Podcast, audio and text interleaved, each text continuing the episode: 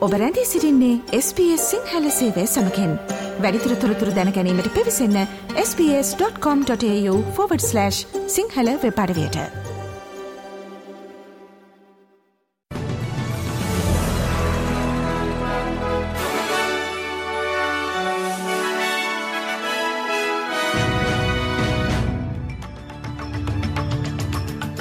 අද දෙසැම්බර් මස දහ නම වනදා අඟහරුවාදා SBS සිංහල සේවේ ප්‍රෘතිගෙනන මම දිනේශාදිල් රුක්ෂී විජේසූරිය.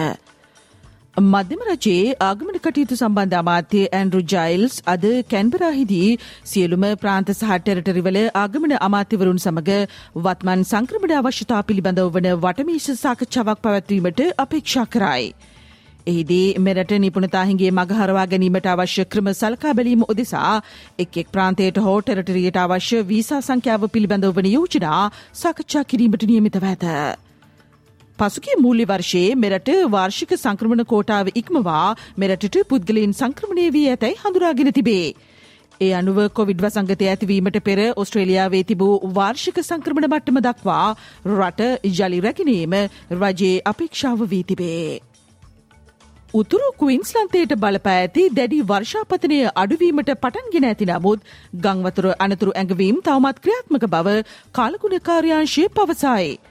ප්‍රධාන ගංවතුර අනතුරු ඇඟවීම් හර්බට් මරේ සහ ඩේන්ට්‍රී ගංගා සඳහා පවතින අතර ටූලී සහ බැරන් ගංගා සඳහා මධ්‍යස්ථ මට්ටමේ ගංවතුර අනතුරු ඇඟවීම් සහ මල්ග්‍රේව් ගංගාව සඳහා සුළු ගංවතුර අනතුරු ඇඟවීම් ක්‍රියාත්මක බව කාල්ගුණ විද්‍යා කාර්යාංශය ක්වින්ස්ලන්ත ප්‍රාන්ත වැසියන්ට දැනුම් දී සිටියේ.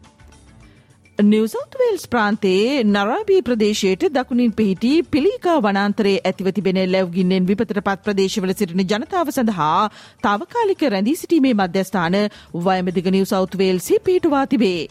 ගින්නෙන් හෙක්ටයාර අසූ පන්දහසකට වැඩි ප්‍රමාණයක් විනාශ වී ඇති අතර ගින්න පාලනය කළ නොහැකි මට්ටමක් දක්වා පැමිණි ඇති බවද වාර්තාවේ.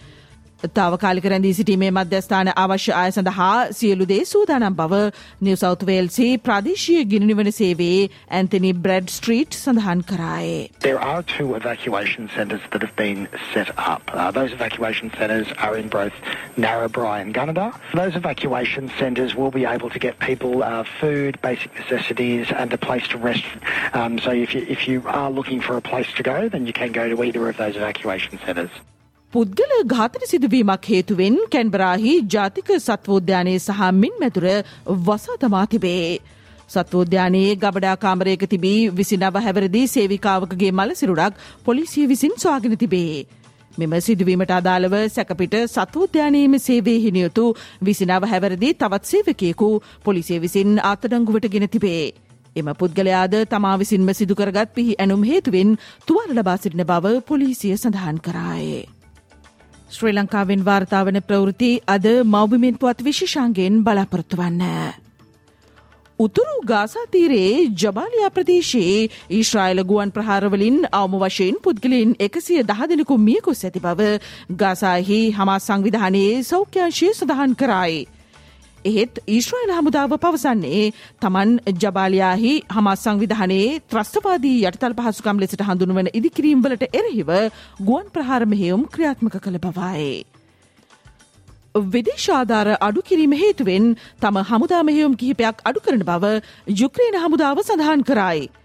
තම හමුදා කණ්ඩායම් උන්ඩ හිඟේකට මුහුණදී සිටින බව යුක්්‍රේන හමුදා ජෙනරාල්වරයෙකු වන ඔලක්සන්ඩ ටනවස්කි රොයිට පුවත් සේවයට පවසා ඇත.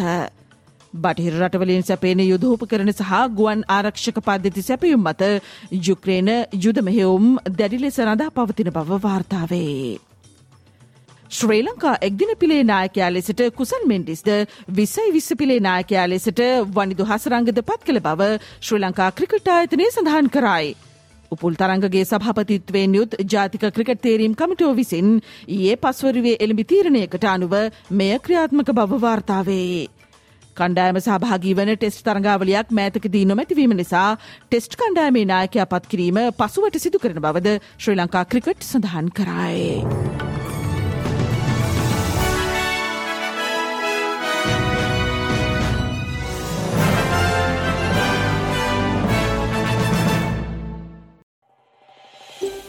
මේ වගේ තවත් තොරතුරු දැනගන්න කැමතිද?